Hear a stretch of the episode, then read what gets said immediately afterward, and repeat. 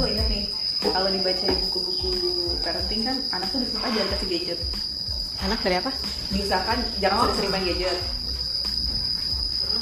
Nah eh, ya udah orang tuanya lah yang bikin aktivitas kreatif apa gitu untuk anaknya supaya ngabisin waktu.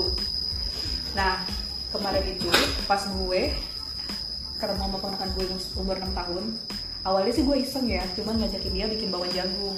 Ponakan lo? Ah. Hmm.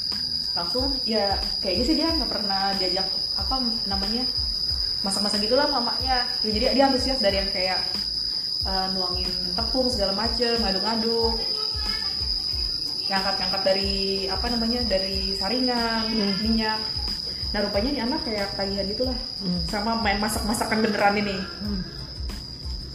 besok-besoknya dia nanya lagi yuk bikin ini yuk bikin itu Hmm. nah di satu sisi kan gue ada kerjaan juga ya Hmm.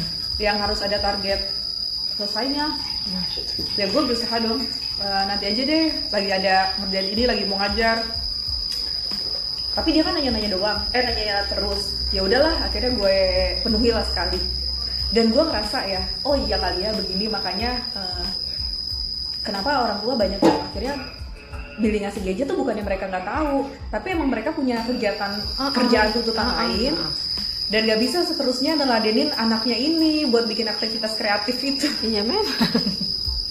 Emang idealnya sih memang lo nggak kasih ya karena memang dia lebih bagus kan dapat stimulus dari yang real gitu kan. Tapi it takes a lot of energy Iya, man, betul. capek banget. Jadi ya nggak apa-apa lah gue kasih dikit-dikit. tapi tapi eh, eh, semua peneliti sepakat bahwa di bawah 2 tahun sebaiknya enggak sama sekali. Sama sekali ya karena kan yang kayak kita belajar juga di psikolinguistik kan anak setahunan itu kan emang lagi kayak smart banget tuh yang lagi aktif tuh brain bagian linguis bagian language bagian bahasa. Gitu kalau lo kasih mereka tuh belum bisa respon eh, dalam bentuk yang nggak nyata eh, gitu. Jadi cuma satu arah sebenarnya meskipun meskipun kayak Dora gitu kan misalkan say banana nyuruh ini. Tapi si anak nggak nggak nggak nangkep itu nggak bisa. Jadi nggak nggak bisa dua arah memang. Iya, iya, iya. jadinya si anak nggak praktis bahasa. Itu kenapa banyak anak yang speech delay? Karena itu. Ya. Karena gadget ya. Lagian kalau orang kalau udah main gadget pasti lo diem aja. iya Emang Apa yang ngomong lagi, bener. ya kan? Enggak. Mm-mm. Pasti lo anteng diem kan? Gitu jadi nggak praktis itu. Padahal pas umur setahun sampai dua tahun itu kan lagi aktif lagi aktivasi ini lagi lagi bagian eh, otak bagian bahasanya lagi net net net gitu loh sini lagi aktif banget kan emang harus distimulus nah kalau dipakein itu jadi dia kayak dormant tidur gue percaya sih. Tapi ada yang nggak percaya juga. Kayak ah itu sih eh, anaknya aja yang nggak pernah diajak ngomong sama orang tuanya. Nggak apa-apa kasih gadget tapi orang tuanya tetap harus Tetap ngomong gitu.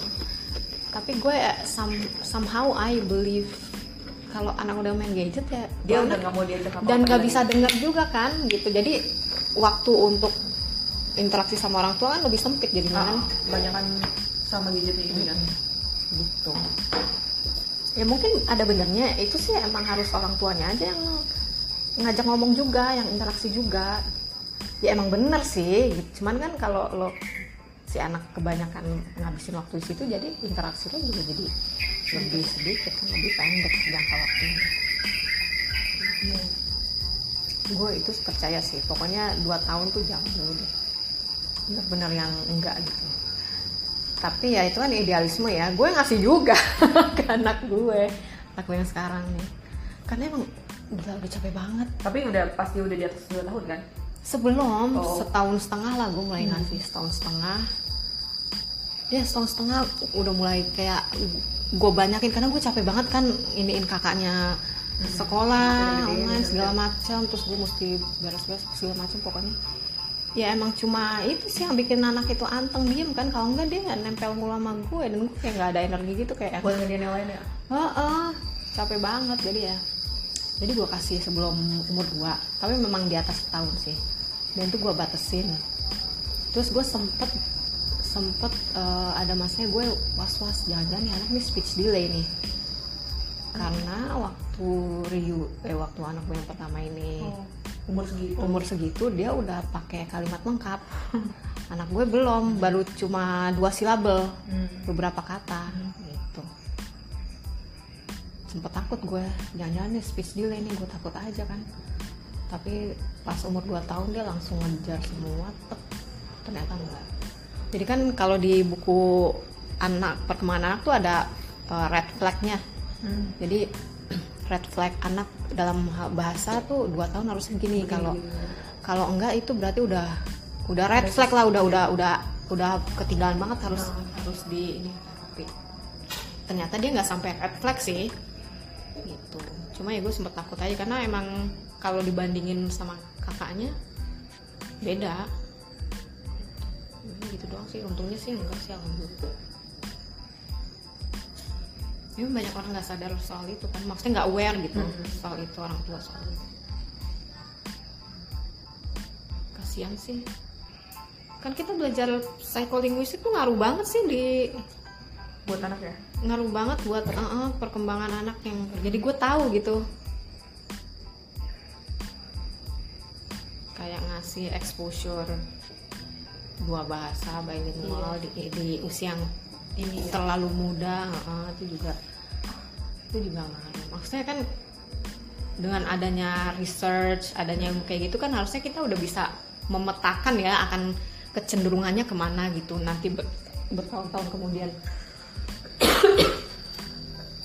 emang nggak kelihatan langsung sekarang. Pasti orang tua bilang "Ah, orang anak gue nggak kenapa-napa. Anak gue jadi bisa dua bahasa apa? Tapi kan nggak kelihatan sekarang kelihatannya nanti 15 tahun ke depan ya kan nah dengan adanya research kan sebenarnya ngebantu kita untuk tahu nanti ke depannya kayak gimana kan karena dari pengalaman-pengalaman yang Biasanya. udah ini gitu Iya sih emang kalau belajar dari riset-riset ya mendingan satu aja kan. Mm-mm. Bahkan yang gue gue pernah dengar case dari eh, opa oma ya. Dia orang Indonesia, tapi anaknya itu tinggal di Amerika, anaknya perempuan. Married sama orang Amerika. Itu kan yang udah emang lingkungannya bahasa Inggris ya. Nah, dia bilang dua cucunya itu dibawa ke dokter, lalu speech delay di, di diagnosa seperti itu. Eh,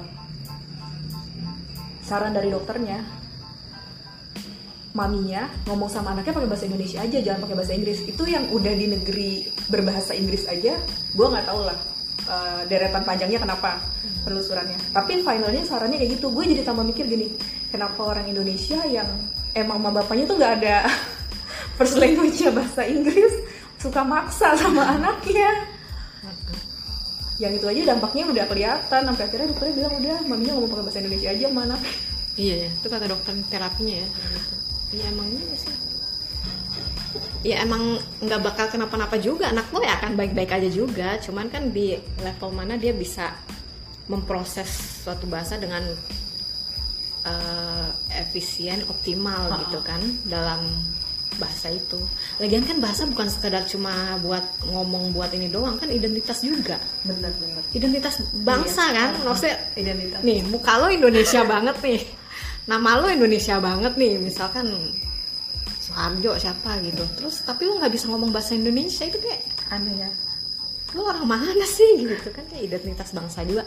Sebenarnya itu sih yang basicnya yang bener-bener ah enggak deh gue anak gue harus tahu bahasa Indonesia dulu.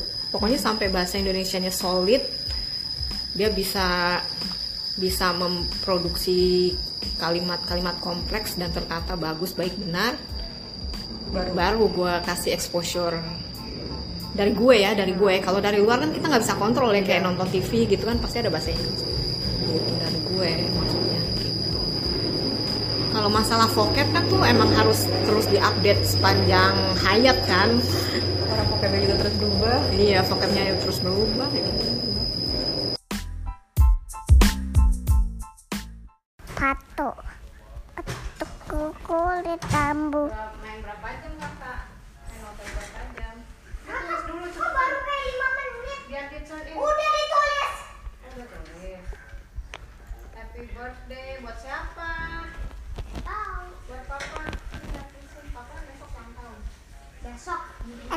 就给我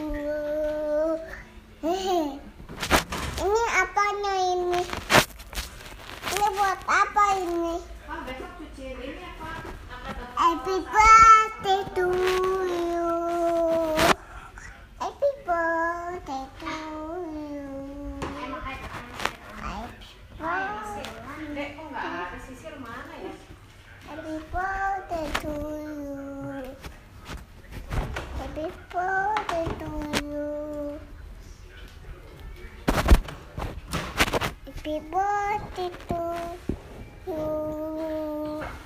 Yeah. Happy birthday ah. to you.